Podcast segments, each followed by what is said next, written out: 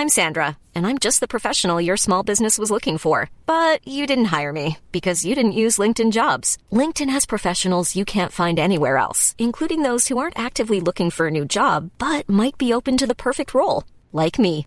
In a given month, over 70% of LinkedIn users don't visit other leading job sites. So if you're not looking on LinkedIn, you'll miss out on great candidates like Sandra. Start hiring professionals like a professional. Post your free job on linkedin.com/people today.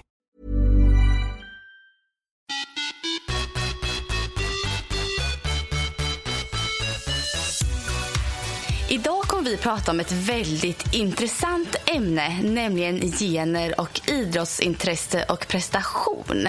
Och båda vi två vi har haft intresse för idrott sedan väldigt låg ålder. Och vad beror det på egentligen? Är det gener eller är det miljön vi växt upp i? Eh, jätteintressant verkligen. Och vi kommer också komma in lite på hur det ser ut inom elitidrotten. Alltså kan vem som helst bli elit? Eh, ja, det blir kul att eh, snacka lite om det här. Hur Sara? Ja, jag tänker att vi har ju hållit på med idrott och varit ganska duktiga. Men är vi duktiga för att vi har tränat oss till det? Eller har vi tyckt att det varit roligt för att vi har haft enkelt för det? Ja, men eller hur? Jag alltså, man har tänker att det funderat är på det här så. ganska mycket. Mm. För jag tänker att det är lätt så här Verkligen. att man, när jag funderar på min så funderar jag så här, har jag tränat? Visst, jag har tränat i jättemånga år. Men samtidigt från början tror jag att jag fastnade för träning också för att jag hade en, lätt för det. Alltså så känner jag att det var även för mig. Jag minns när jag var typ så här, ja men du fem, sex år och både jag och min tvillingsyster, vi eh, började väldigt tidigt att springa och tävla mot alla stora killar på gatan. Ja. Alltså för vi tyckte att det var jättekul. Liksom. Så intresset fanns ju naturligt i oss ifrån början. Och det Ja. måste ju varit genetiskt, tänker jag. Och att ni kanske då hade ganska bra chans mot de här killarna. Ja, och då blev det ju intresset större också i det. Ja. Det ska bli Ja. intressant att höra lite mer om er, tänker jag, för i och med att ni är tvillingar också, så tänker jag Ja. att det blir kanske eller ja, det ska bli eh, kul att höra hur, hur ni har följts åt och vad som har skilt er åt. För man tänker ju att tvillingar ska vara väldigt lika i alla fall. Ja, och det intressanta är också att eh, både du och jag har ju systrar. Alltså jag har tre, Ja. tre systrar och du har två systrar. Ja, Och där kan man verkligen jämföra liksom hur det ser ut. Ja men precis. Och jag, det var ju så jag liksom kom in lite på och tänkte att det här måste vi prata om den här veckan. För förra veckan så blev jag moster igen. Nej, Jo. men gud, har jag missat det här? Nej, jag kom på det liksom att, så här att jag har inte sagt det här är min stora syster som fick sitt andra barn. Och hon har, redan, hon har en dotter som idag redan är 13 år, så hon blev mamma när hon var 21. Och sen så har det gått Oj. 13 år och nu fick hon sin andra. Och det, tänk, jag grattis, tänkte, Sara, måste ja, men säga tack. först. Alltså, så det är en mysigt. liten Ja. pojke. Så för, och jag tänkte faktiskt på det att liksom så här, i, eh, jag blev moster till min lilla systers barn i maj. Det berättade jag om. Och Mm. Jag tror att jag berättar mer om min lilla syster överlag. För att det är dels för att hon är friidrottare och eh, vi har haft väldigt lika intressen eh, och är ganska lika liksom, när det kommer med träning och prestation och sådär. Så att vi har haft det Ja. som ett gemensamt intresse. Och då har det också kanske blivit att hon har synts lite mer på mina sociala medier ibland och att vi har, hon bor också i Örebro så hon är liksom faktiskt den som är närmast min, i min familj. Vi är väldigt utspridda. Var bor din andra syster? Hon fick barn nu. Min stora syster bor i Umeå Umeå. Mm. och hon har bott där sen efter gymnasiet. Hon flyttade upp för att plugga idrottslärare, eller lärare. Eh, och hon har liksom varit kvar där sen, vad är man, 19 år efter studenten. Ja. Men då är alltså, hon är alltså idrottslärare? Hon är idrottslärare, eh, eller lärare med, jag tror att hon Jo, nej, men jag tror att jag är idrottslärare också. Men varför jag är lite osäker på vad hon är, är för att hon faktiskt inte har jobbat som det här. För jag tänkte faktiskt berätta Ah. lite om min stora syster, Ja. för hon är ju jättestor inspiration för mig eh, på många plan. Kanske inte just tävlingsbiten, för det har aldrig varit hennes grej. Men min stora syster heter Saida. Bara det brukar många i Sverige tycker jag reagera på, att det är ett konstigt namn. Mm. Ja, Så det ja det, det, inget- Saida det är inget Z. vanligt svenskt namn. Ja. Nej, medan jag känner, vet ändå tre stycken Saida. Så jag tror att det kanske är vanligare på Åland eller Finland. Ja, säkert. Eh, nej men så hon är då lite över två år äldre än mig och vi har liksom hållit på med samma... Vi har både hållit på med gymnastik, vi har hållit på med friidrott. Eh, sen har hon även spelat handboll och det hade inte, höll inte jag på med. Men hon har varit så rolig på något sätt för att hon har alltid varit så här, jätteduktig på att lära sig, otroligt stark, otroligt fysisk. Men hon har liksom inte gillat att tävla och jag skulle inte säga att det har med prestations krav eller ångest att göra som man tänker att det är när det inte är tävling. Mm. Utan det känns mer som att hon inte tyckt om att rätta sig och stå i ledet och göra så som elfte regler. Förstår du? Ja, förstår. Mm. Så hon har liksom varit så här, för hon har, varje gång vi har haft som gymnastikuppvisning eller liksom någonting med den, då är hon ju alltid med och har älskat det och till och med haft solonummer för att hon är superduktig. Men just ja. tävling, så hon har tävlat också, men man märkt att det aldrig varit det som har drivit henne till att fortsätta eller motiverat henne att liksom bli bäst. Så jag tror inte att hon har brytt sig så mycket om resultatet. Medan jag och min lillasyster har varit så här filurat på hur kan man bli ännu bättre? Hur, kan vi, man, hur klättrar man upp i ranking? Hur kommer man där? Och, hur, och gör jobbet som krävs för eh, att ta sig till nästa nivå. Ah.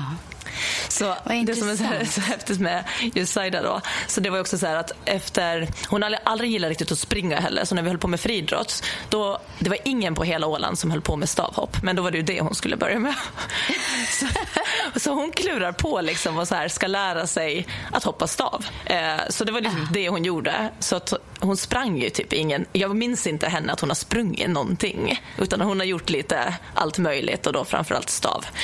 Eh, hon har alltid varit en sån som lär sig själv. Alltså hon, hon är så här motsats till mig. Alltså hon, bara, hon bara kör. Hon youtubar och kör. Alltså, och så är hon fortfarande idag. Hon kan typ så här, riva ner en vägg hemma i lägenheten. Och jag bara, men vadå, hur vet du hur man gör? Hon bara, nej men det är ju bara att kolla på Youtube. Så du vet, hon slipar golv. Vilken härlig inställning till ja, livet. Ja, alltså hon är så här, verkligen så här, en doer. Eh, ja. Och det här var liksom då efter att hon fick sitt, eh, eh sitt första barn, då, Moa, som nu är 13 då var det liksom just att hon behövde hitta en träningsform som hon kunde göra hemma. Eh, och som, hon gillar ju inte att vara ute och springa heller och det var inte så lätt heller om man hade en liten bebis hemma om inte man hade väl löpvagn eller sånt då. Men då googlade hon lite saker och så hittade hon pole dance. Och pole dance... Nu ska vi prata om att det här är ju alltså nu 13 år bak i tiden. Så pole dance var inte så känt som det är idag. Jag, hade inte, jag kände inte till det. Det fanns Nej. inte eh, massa eh, studios med det. Utan... Men det är senaste tiden, senaste åren som man har hört om det egentligen. Ja. Så hon beställer hem en stång från USA monterar upp den hemma och börjar träna. Självlärd, som jag säger, hon blir bara duktigare, duktigare, duktigare. Hon håller på i sin egen och sådär. Sen börjar några så här kompisar och grannar också vilja börja testa. Så hon öppnar upp en hobbyverksamhet i deras så här verksamhetslokal i kvarteret. Efter ett tag så är det för många som är med så att hon måste skaffa en större lokal och göra om det från hobbyverksamhet till annan verksamhet. Och ja, senaste typ tio åren har hon jobbat heltid med pole dance, har anställda och haft två studios även i Övik. Så både Umeå och Övik. Så hon har liksom inte jobbat som idrottslärare. och det här är så typiskt Nej. henne. Hon hittar någonting som hon bara brinner för, snöar in sig på det och blir så duktig. Men ingen fokus på att tävla. Och det här är till och med så här, så här var 2010. Då ringer de från TV4, från Talang och säger du, vi har sett dina klipp. Vill du vara med i Talang på TV? Mm. Så eh, 2010 är Saida med på Talang. Visar upp, står på... Ja, hon står på scenen framför Charlotte Perrelli, Bert Karlsson och ska förklara för dem vad pole dance är, för ingen vet ju det. De bara, Nej. ska du typ strippa lite eller vad ska du göra? Och hon ja. står där, du vet, alltid så kaxig, alltid så skinn på näsan och bara, nej, jag ska visa upp en fitnessform. Eh, det här, man måste vara vältränad för att klara av det här. Och drar igång och alla tappar ju hakan för att Alltså, du vet, hon är så stark. Hon gör så här, du vet, så här, flaggan och sånt. Det är typ inget problem. Hon bara upp och ut och snurrar och har sig och man ser ju hur så här, otroligt starkt, alltså om man kollar fysiskt också. Ja. Eh, så hon körde det, hon gick vidare och allting. Eh, sen så kom hon lite i skymundan för den som vann det här året, det var ju Sara Larsson. Jaha, men jag måste kolla på de här klippen, de gamla nu. Ja, du nu kan googla Saidavis talang och så ser du och då ska du tänka på att det här är liksom innan man har sett poldance och liksom de tricken. Hon, från det där sen, hon hade ju bara hållit på i något år. Hon är, blir ju ännu mycket bättre från det där. Ja. Sen 2012 då är hon med i Gladiatorerna också för de, hon söker sig inte till de här utan det är typ Jaha. de som hittar henne för att hon bara sticker ut. Men heter hon Saida Viss? ja. Man Saida hittar Viss. henne tänker jag. Om man vill liksom. Så, På ah, Instagram kul. tror jag att det är pole.saida eller något sådant man kan söka. Ja. Eh, nej men så det är min syster. Hon är Mm. jätteknasig, jätteunderbar och otroligt stark. Och när någon säger att jag är stark så brukar jag tänka så här.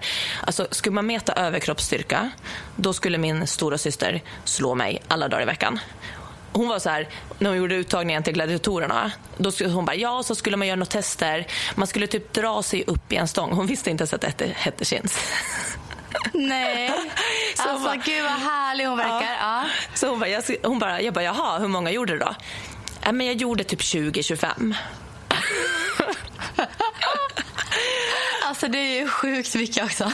Ja, det ser ut. Så hon, är, hon är så rolig. Och hon har typ aldrig gillat att springa. Hon tränade lite löpning i en backe inför gladiatorerna bara för det där löpbandet. Men hon bara, nej, det här är inte min grej. Så, att, eh, nej, så jag älskar hur hon har hittat driv av saker som hon tycker är roligt. Och, hon, och när hon tycker att det är roligt, då är det typ ingen som kan slå henne i det. Och hon har blivit inbjuden till massa pole-tävlingar också, men hon har inget intresse Ja. i det. Så hon tackar ju nej, Nej. och då blir hon inbjuden som VIP istället för att titta på. Och sen så när det Alltså, kommer till och din- underkroppsstyrka, om någon, vi skulle då Ja. tävla i underkroppsstyrka, då får jag ju stryk av lillasyrran. Så att alla brukar säga så här att jag är så stark och jag bara, ja alltså i min familj så är jag ju typ inte starkast. Däremot tror jag att jag är den som är mest allround. För lillsyrran är nog inte lika stark i överkroppen och jag liksom hamnar mitt emellan. Och jag skulle säga att jag kanske är den som är mest spänstig också. Så att när det kommer till så allround crossfit, om vi skulle springa ett halvmaraton så vet jag att jag skulle slå dem båda två när som helst. Och så där. så att jag kanske är den som är allround men jag har ju verkligen gener och inspiration nära omkring mig. Alltså jag tänker bara så här systrarna Viss känner jag nu. Alltså ni har ju världens gener. låter det som alltså. alltså. Alla låter så. För du, jag vet hur stark du är och ser ut. Eh, och jag vet att din Hanna Viss va? Ja, min lillasyster. Att hon, eh, hon är liksom elit, har varit också i friidrott. Ja, hon är den som har kommit längst av oss. om man säger så här. Hon har ju varit på landslagsnivå och verkligen så här, Ja. om man pratar tävling så är hon den som har varit på absolut högsta nivå av oss tror jag. Ja, men hur har det varit så här, alltså för att är dina föräldrar vältränade undrar jag då? Har de hållit på med idrott som unga och nu? Eh, pappa har alltid, han eh, har alltid spelat fotboll så länge jag minns och han spelar fortfarande fot, fotboll idag. Han är ändå 63, är det så? Ja, du ser. Ja, Ja. och de, de har samma gäng. Alltså det är typ samma eh, grabbgäng som har hängt ihop hela vägen. Så de är man kan se Ja. bilder på dem när de är så här 28 och spelar i A-laget. och sen så har de bara spelat. Så de åker fortfarande på så här finska mästerskapen och sånt i, i 60 plus och sådana. Så han har alltid spelat fotboll och varit sjukt atletisk överlag. Jag tror att de hade mer gymnastik i skolan när han gick. För att jag minns ju Ja. att när vi var små och hade börjat gilla gymnastik, då gjorde han och visade så här volter. Alltså, jag började tänka på det. Han måste ha varit typ 40 år. Och han gjorde volter på gräs... Inte på studsmatta. Vi hade ingen studsmatta. Han gjorde det på gräsmattan. Ja. Så han har varit mycket så stor inspiration på så sätt. Och så hade jag en äldre kusin som jag såg upp till otroligt mycket, som var jätteduktig på gymnastik. Eh, Så att jag, vi har haft det omkring oss. Mamma har inte tränat eh, på så sätt. För att dels så hade hon inte riktigt den möjligheten där hon växte upp. Att det fanns inte så mycket idrott, framförallt för tjejer. Och så har hon astma. Och det har också gjort att hon inte kanske har tänkt att idrott är något för henne. Men jag märker ju när vi... Alltså hon är sån sprinter långt in i, i grunden ändå känner jag. För typ om vi ska någon gång så här försöka eh, jogga lugnt. Hon kan liksom inte jogga runt. Hon kan bara springa. Så jag bara, och så blir hon så här, Ja. jag orkar ju inte längre än så här. Jag bara, nej men det är ju för att du, du kutar ju. Alltså du kan ju inte, du kan ju inte jogga. Hon kan liksom inte hålla igen. Nej, Ja. för hon springer. Alltså, Och jag minns också när vi var så här små, och du vet så här, sprang i kapp till bilen. Vi har alltid haft lite så här på så sätt har ju vi varit liksom att vi har rört på oss mycket för det kunde mamma kunde ändå vara så här sisten till bilen och så sprang vi och det tog alltså långt upp i åldern innan jag slog mamma. Ja. Och jag minns att man kunde ha sig i skolan, min mamma är lärare också, inte i den grundskola som jag gick, men i den Nej. andra. Och jag kommer ju ihåg så här att när de hade så här, att lärarna var med och de hade så här fotbollsmatch mot eleverna eller löpning. Och alltså, mamma hängde ju med killarna som gick i typ i femman, sexan och där är man ganska snabb. Mm. Gud, ja. Så jag tror nu, nej, jag har alltid tänkt att det är pappa som eh, har, haft de här, men jag skulle säga att generna, om man pratar det, då kommer det från mamma, bara att hon inte har använt och utvecklat sina. Men jag tror att just den snabba muskelfibrerna, det är från mamma. Ah. Mm. Men när man hör dig nu så förstår man ju att du har ju väldigt bra gener för att bli bra i idrott. Ja, men jag tror det. Jag har haft det lätt, Eller hur? Ja, jag har haft lätt för ja. att lära mig. Och så har jag mm. ofta med inlärning överlag. Att får jag röra på mig mm. så lär jag och jag förstår en rörelse. Jag kommer när jag skulle plugga till mm, PT. Så när jag skulle gå de här anatomi... Jag tyckte att anatomin och den här rörelseanalys, läran, den var ju så här jättesvår i skolbänken. Att de bara, vilka, om du böjer armbågsleden eller typ så här, vilken rörelse sker när du, att, eh, när du kontraherar biceps. Och Det var som att jag fick inte ihop det där i mitt huvud. Och sen, Då kunde jag liksom göra det tvärtom sen. att Jag gick in i gymmet och så tänkte jag, okej okay, jag ska träna biceps. Vad gör jag för övning? Då tar jag en hantel och då kunde jag utifrån det, så här, okay, när jag spänner biceps, då böjs armbågsleden. Mm, så förstår du, så att jag måste förstå det mm. andra vägen runt. Att jag måste tänka ja. hur tränar jag den muskeln? Och då kunde jag se vilken rörelse som skedde. Hur, hur har du liksom, hur, eh, när du kollar på din familj, är dina ja. föräldrar eh, idrottspersoner? Alltså nej, inte egentligen så mycket. Eh, alltså min pappa han spelade fotboll när han var tonåring typ. Men sen har han inte hållit på med idrott överhuvudtaget. Min mamma började träna lite grann när hon var 40 typ. Alltså ja. för att hon ville hålla sig i form. Eh, är inte alls samma liksom, bakgrund som du har där med dina föräldrar och eh, gener egentligen. Eh, det jag vet är att min farfar han var sån som åkte Vasaloppet och såna här grejer. Liksom. Och mm. höll på med innebandy långt upp i åldern och så. Så det kanske kommer från andra led för min del istället. Ja. Eh, min mormor vet jag, hon sa alltid att jag var så snabb i skolan. Jag vann alla tävlingar på friidrotten. Du vet så här, skröt hon lite om så alltid. Eh, så jag tror att det kommer lite från släkten så, men inte direkt från mina föräldrar kanske. Mm. Och då tänker jag att då har ju de säkert generna, men det här som vi var inne på med miljö och om man ja. utvecklar det. Så att de har ju säkert kunnat liksom, du kan ju ha fått de sina gener från dem, men kanske mm. inte mm. miljön och inspirationen på det sättet, för du kanske inte har sett Nej. dem. Nej. Och sen tänker jag också på, liksom, alltså jag har ju tre systrar.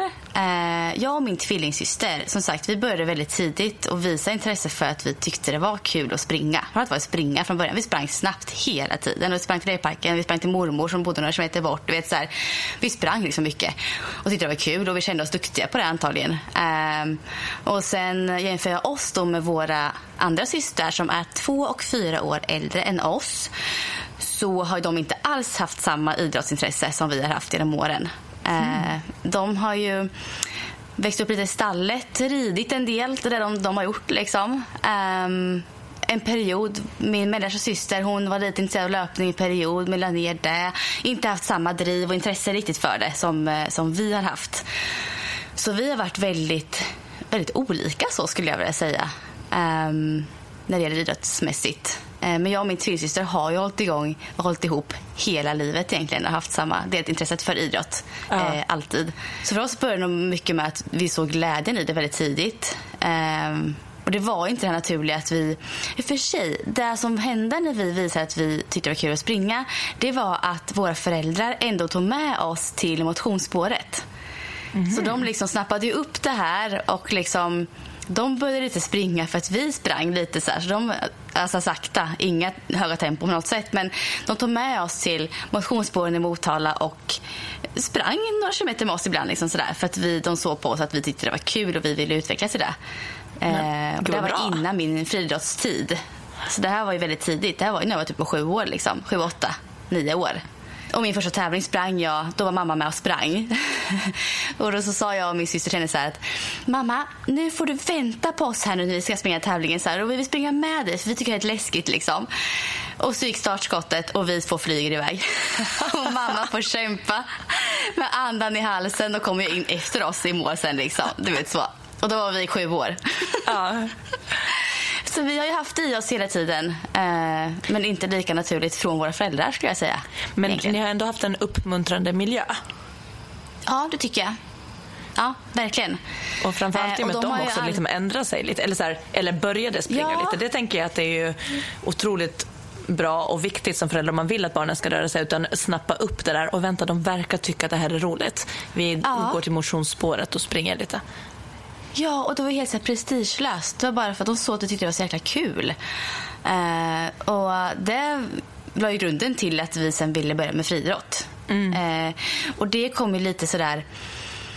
I skolan så var det en tjejkompis som gick i friidrott så hon tog med oss dit för hon visste att vi tyckte det var kul att springa. Och då så började vi med det. Och då så bara rullade det på liksom. Sen har vi alltid hållit på och idrottat med handboll och friidrott eh, framförallt har det varit genom åren. Så. Hur har det varit mellan ja. er? Om man säger så här, är det någon av er som har haft lite lättare för den att eh, snappa upp teknik eller utvecklas? Eller har ni, utveck- har ni utvecklats lika snabbt alltid? Eller har, det, har ni liksom gått om varandra i utvecklingen? Jag tänker typ systrarna Kallur. Då vet jag liksom att de var ju väldigt jämna men de kunde ju ändå ha så att eh, tidigare var Jenny den som var bättre. Och sen var det liksom på senare år med mycket träning som Susanna blev bättre. Fast Jenny var kanske bättre ända upp i gymnasiet var hon den som var snabbare av dem. Jag skulle säga att eh, alltså vi har varit väldigt jämna hela tiden. Eh, men eh, min syster har varit starkare lite hela tiden. Eh, både mentalt och, och kroppsligt har hon varit lite starkare. Och jag kanske lite smidigare egentligen. Så hon presterade på tävlingar bättre än mig ganska långt upp i åren. Ja, men typ till kanske var 14-15 där så var det hon som hela tiden, ja, om vi kör 800 meters lopp bredvid varandra så var det hon som alltid vann med en meter. Du vet, och det var ju mycket mentalt. Ja, alltid var det hon som liksom var lite vassare. Eh, och jag minns ju de här prisutdelningarna man hade på friidrotts, typ, lite friidrottsgala man hade varje år i, i föreningen. Så, så minns jag så väl, för hon var ju strået precis vassare än mig. Och hon tog ju hem varenda jäkla pris. Alltså, och det här var ju, sitter fortfarande djupt i mig. Alltså, det här var så jobbigt för mig. Ja, men det förstår jag. Alltså, ja. eh, så hon var lite vassare, men det var ja, både kroppsligt och mentalt. Men sen som du säger, faktiskt när vi kom upp kanske 16-17 års åldern där, då kom jag i fatt och kanske gick om till de här vissa grenar.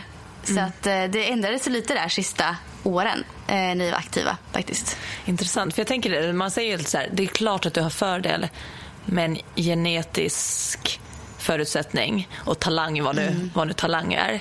Men i slutändan så kommer det ju ändå vara jag tänker minst 50 procent av träning, inställning och liksom så här, mycket mentalt, mycket liksom så här hur du tar dig an din egen utveckling och motgångar.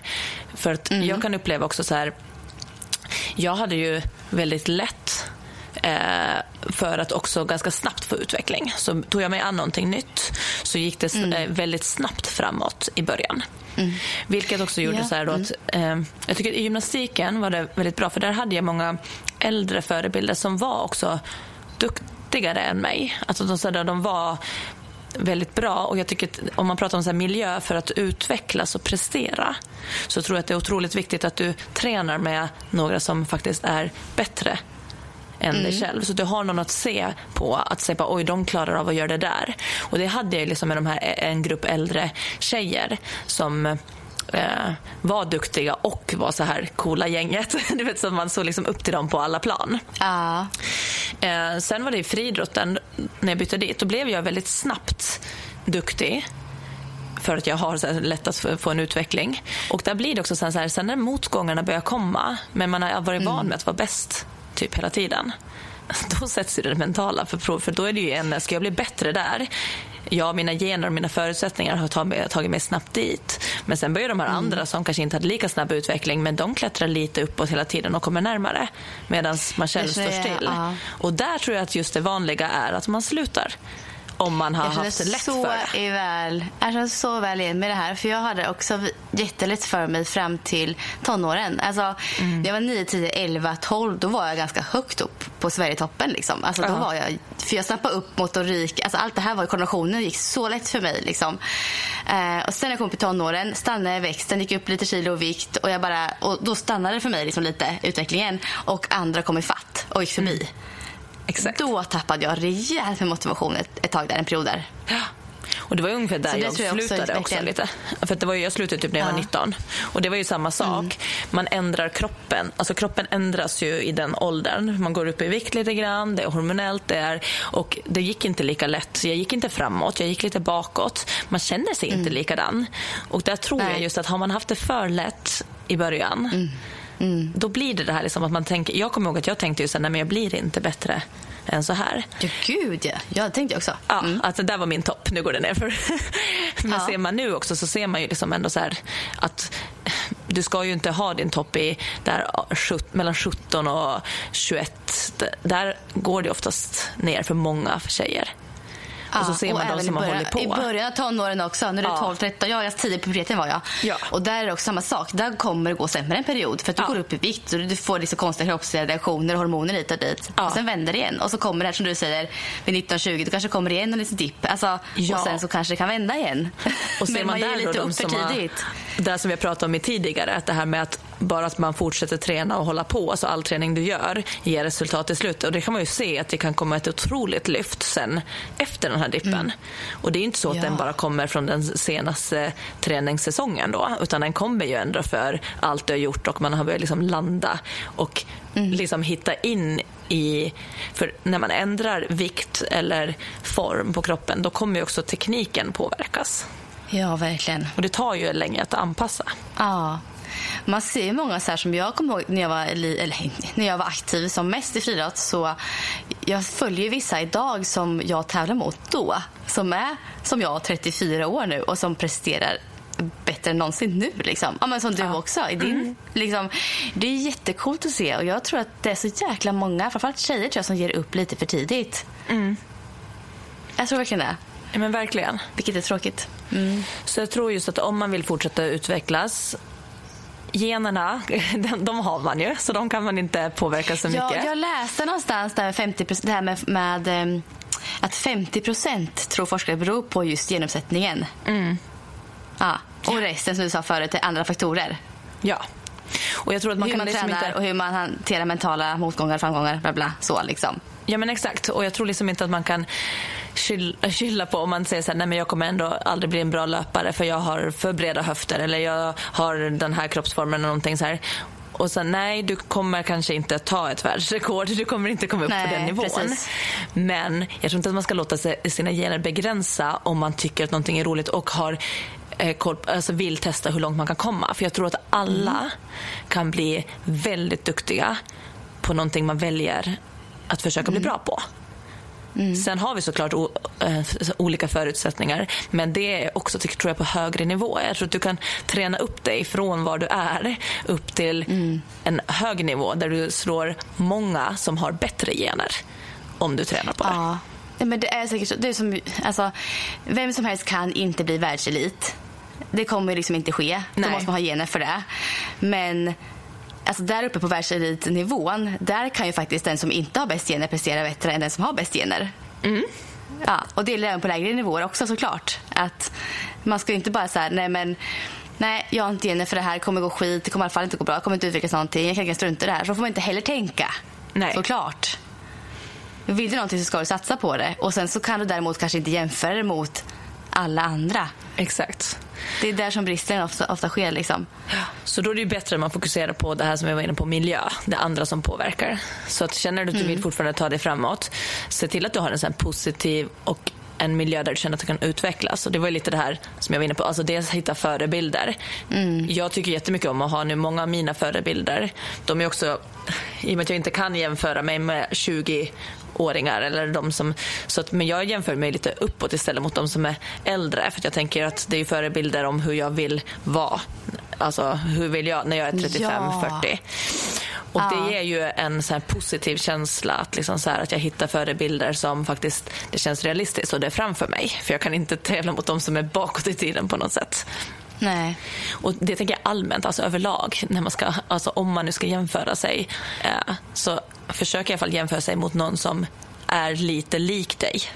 Mm. Så att, eh, är det löpning, men hitta någon som du kanske inspirerar Ja, av som också eh, springer på samma villkor som dig eller som har den kroppstyp som dig. Eller, alltså, att man lite är realistisk på så sätt också. Och sen försök träna med folk som är bättre än dig. För bättre miljö kan du inte vara i om du får dessutom träna med Nej. någon som är bättre än dig. Så du kan göra Gud, mycket med din miljö. så här. Ja, det är svårt att för jag, jag, jag kan jämföra med många andra hur andra tränar ibland. Och då tränar jag så jäkla mycket mindre känner jag än många andra. Mm.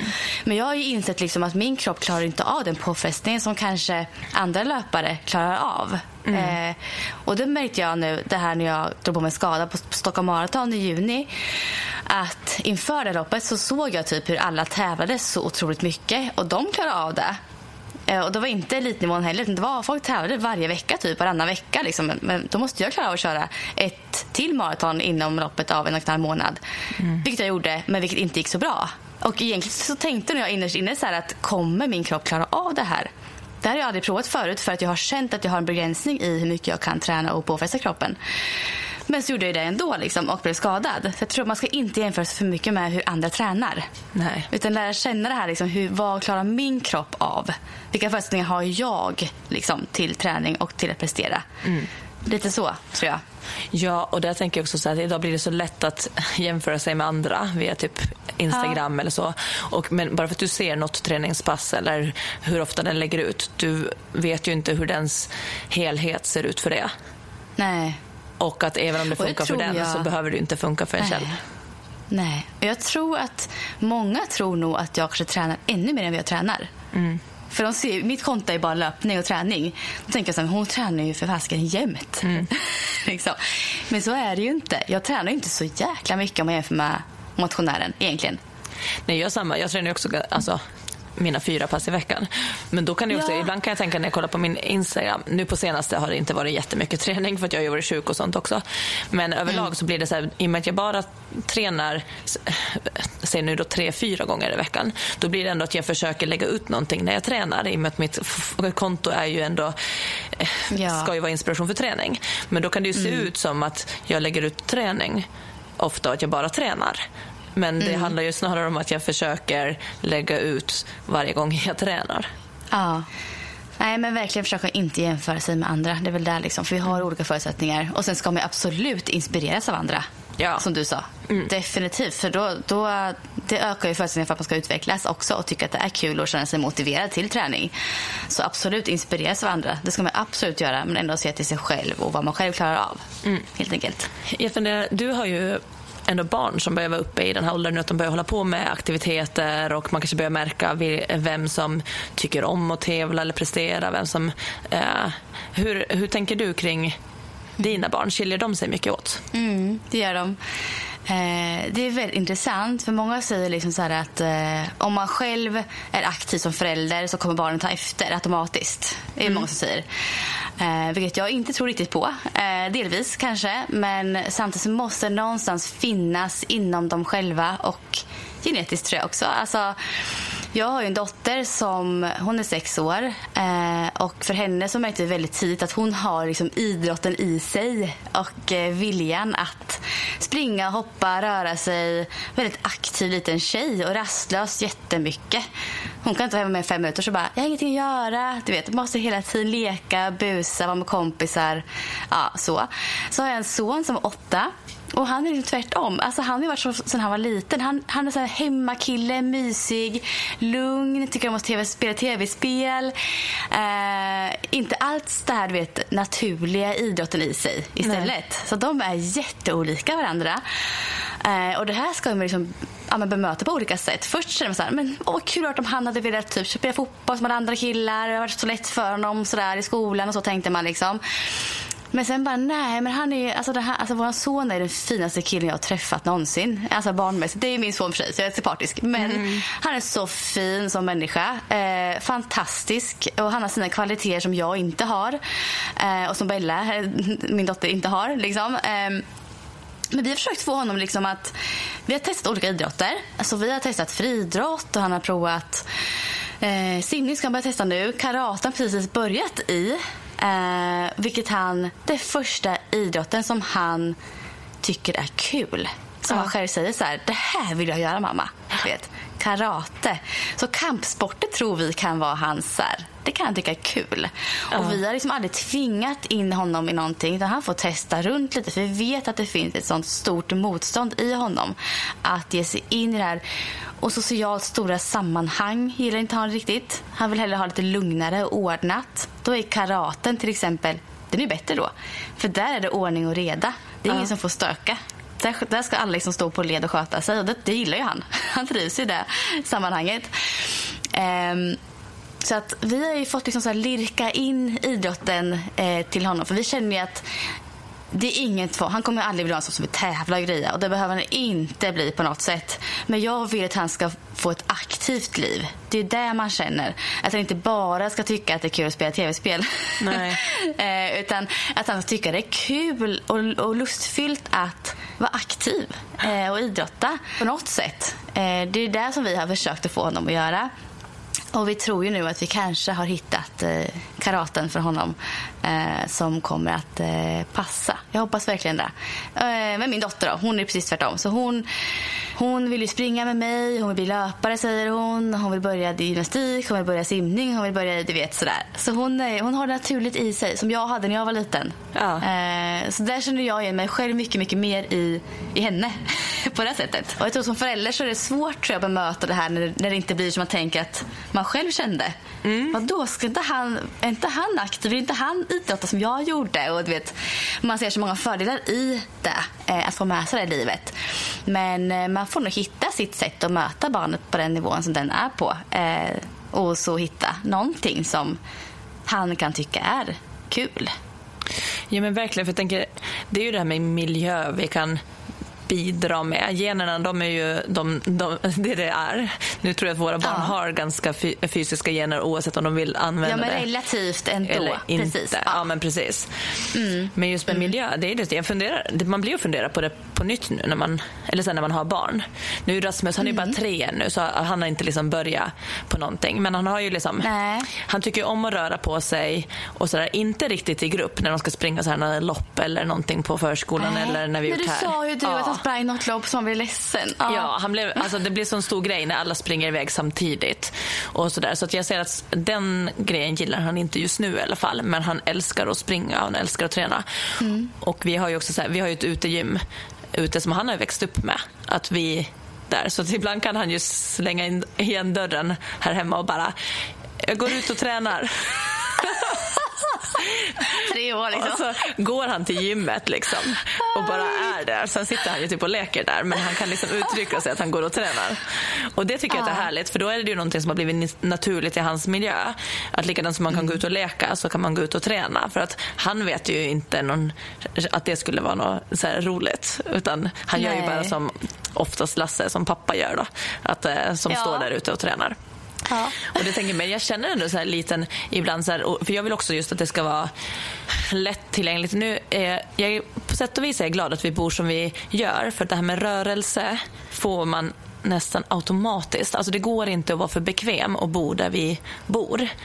Vi kan inte köra upp med bilen på garageuppfarten. Vi kan inte, alltså så här, det är alltid det här med att bära saker till båten, gå från båten. Som jag märker när jag kommer till jobbet, då har jag oftast 2-3 tusen steg på vägen ja. Ja, ja. av att jag har liksom mm. rört mig. Och Det tycker jag att är ganska skönt. Vet att, att även om man inte ens håller på med någonting så kommer man vara ganska aktiv. Man ser ju min, jag har en stegräknarklocka. Man ser ju de här onsdagarna när jag jobbar hemifrån hur det dipper i statistiken.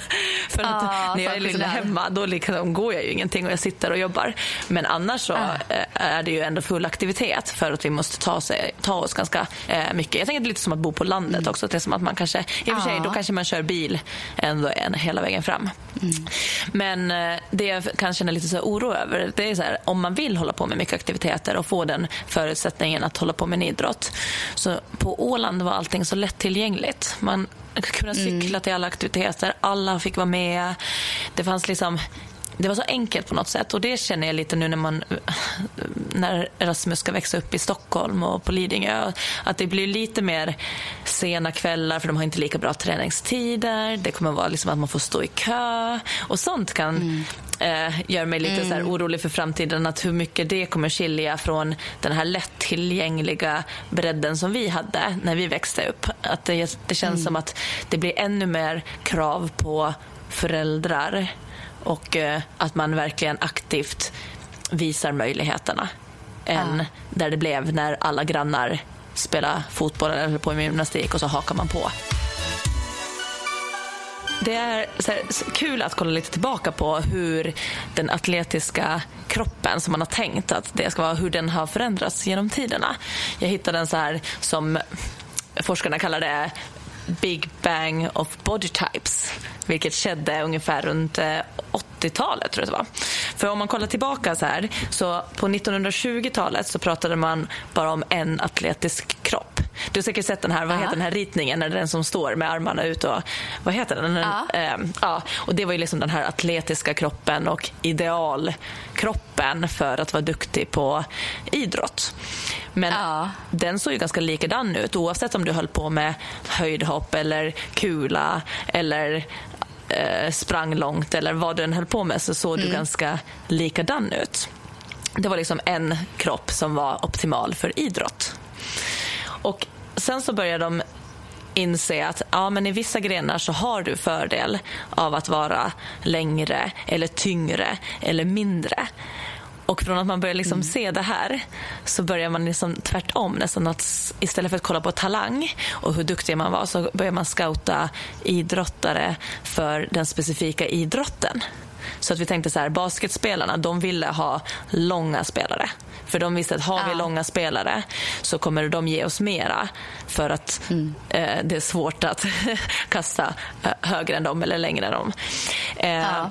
Så då började man liksom vända på det, att man sök, sökte en viss typ av kropp för en viss typ av idrott och därifrån försökte man göra dem så duktiga som möjligt. Så det var inte de som var bäst.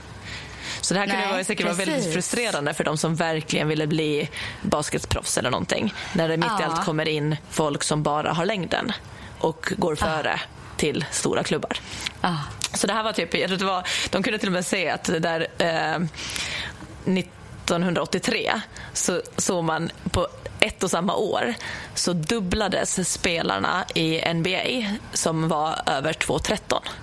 Så på oh, ett jäklar. år från att de började göra det här så att mitt så har de dubbelt så många spelare som är så långa än vad de haft tidigare år.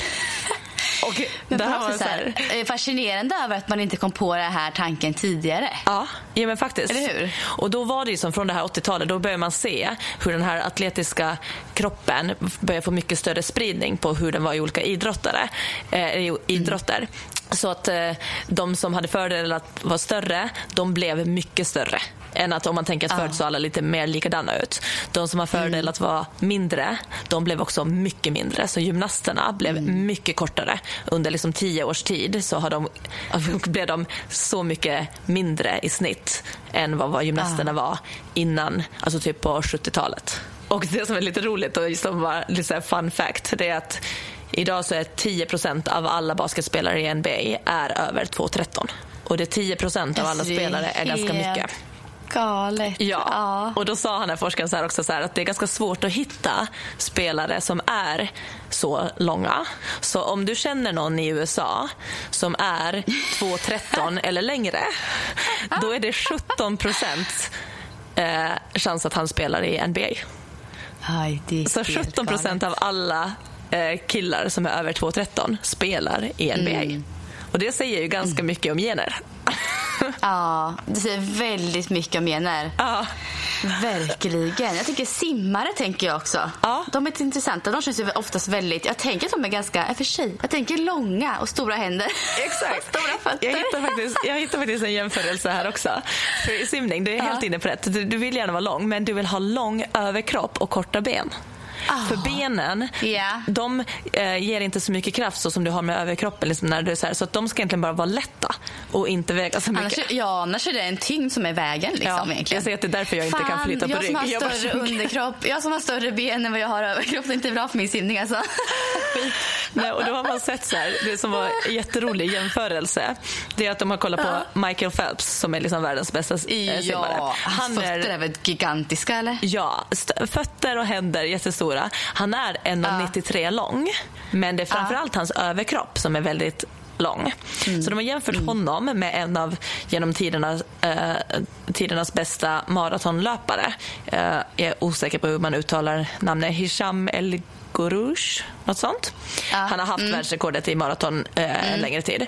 Han är 1,80 centimeter lång. Eller 1,80 yeah. meter. Ja. Eh, så att han är ju 13 centimeter kortare än Michael Phelps. Löpare de vill ha tvärtom. De vill ha långa ben och liten överkropp. Yeah. För den ska väga mm. lite den överkroppen. Så mm. det som är roligt på de här två, Michael Phelps som är enorm, han ser ut som en bjässe, 1,93 och den här smala maratonlöparen på 1,80. De har samma ja. längd på byxorna. Nej. Jo, de har samma mått på benen. För han här maratonlöparen har just det här långa ben och liten överkropp. Och Michael ja. Phelps är tvärtom. Så de, även om det är stor skillnad på deras kroppstyp så är benlängden, de har mm. samma längd på byxorna. Ja. Och Det tycker jag säger ganska mycket om att kroppar kanske måste vara ganska speciella också för att bli riktigt bra. Ja, verkligen. Gud vad intressant. Ja.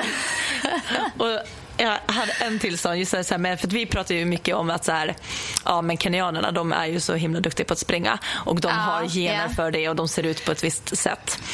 Sen när man pratar med kenyanerna, då menar de så här, nej att det inte är kenyanerna som är så bra på att springa. Det är de här eh, befolkningen som kallas kalenji. Det är, det är alltså 12 mm. procent av Kenias befolkning som kommer från det här området och är den folk, eh, folkstammen, eller vad säger man? Och ah. det är faktiskt från de här 12 procenten i landet så är det därifrån nästan alla löpare som har tagit eh, världsmedaljer, eh, eh, OS-medaljer och någonting, de är från den här stammen. Så att till och med ah. i Kenya så är det inte, det är inte kenyaner, även om vi tycker säkert att alla de springer fint, så är det väldigt tydligt ah. att nej, nej, nej, de duktiga löparna är härifrån.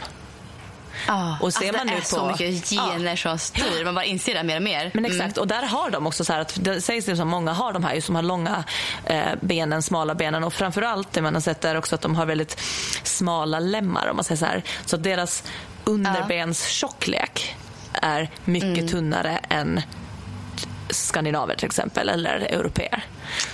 Yeah. Och det blir ganska mycket vikt i underbenet. Och underbenet, allting som är mm. utanför bålen, det vill ju de ha så lite vikt på som möjligt. För det är det som ska, att dra upp en fot en vad runt, runt, runt många gånger. Det är klart att om den har mindre volym och mindre massa så kommer det eh, vara lättare i mm. längden.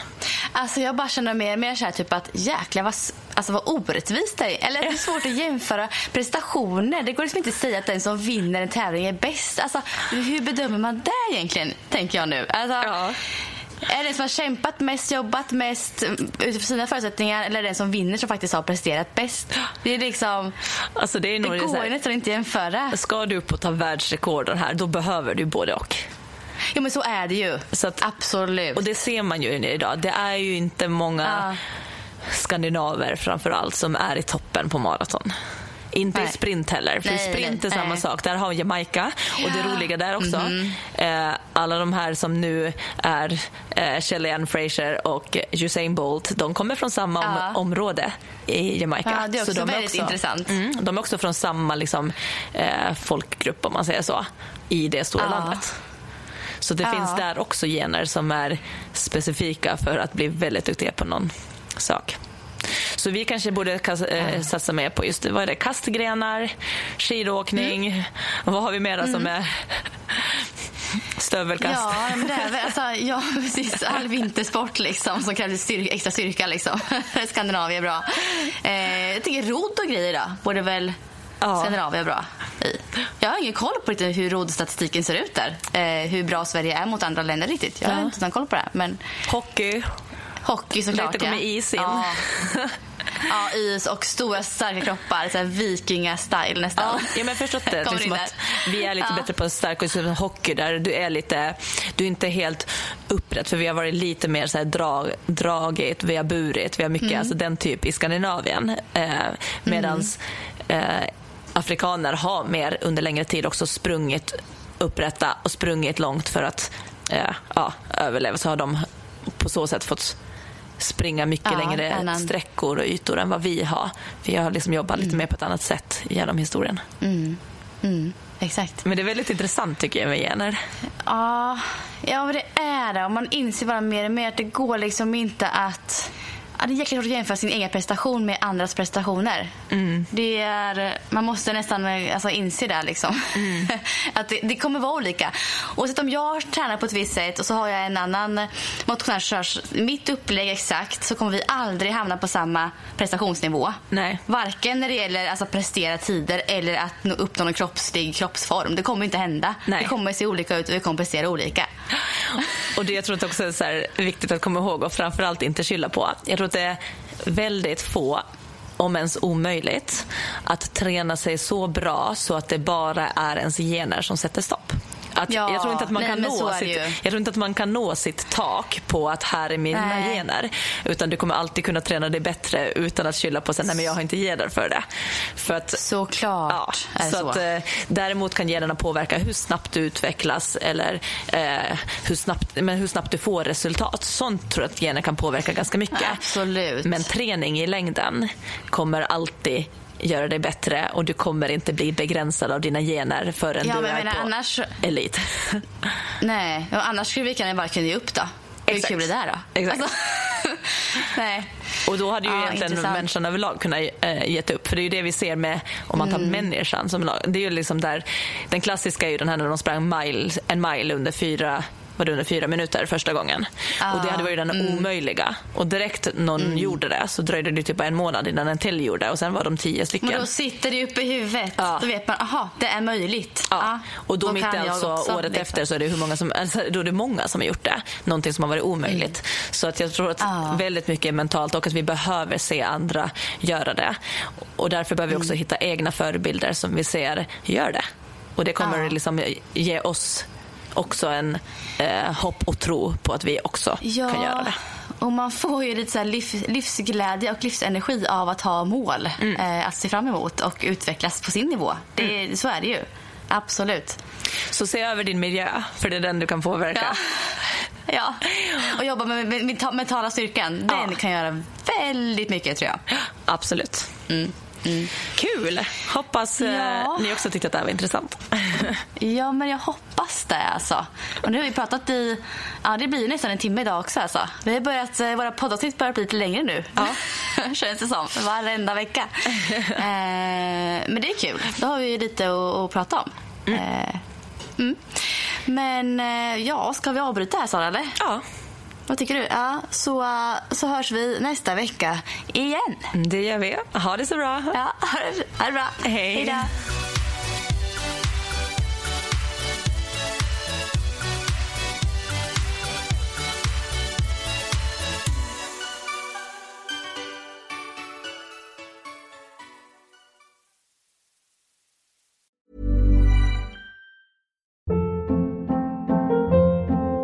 Hold up. What was that? Boring. No flavor. That was as bad as those leftovers you ate all week. Kiki Palmer here, and it's time to say hello to something fresh and guilt-free. Hello Fresh. Jazz up dinner with pecan-crusted chicken or garlic butter shrimp scampi. Now that's music to my mouth. Hello Fresh. Let's get this dinner party started. Discover all the delicious possibilities at hellofresh.com.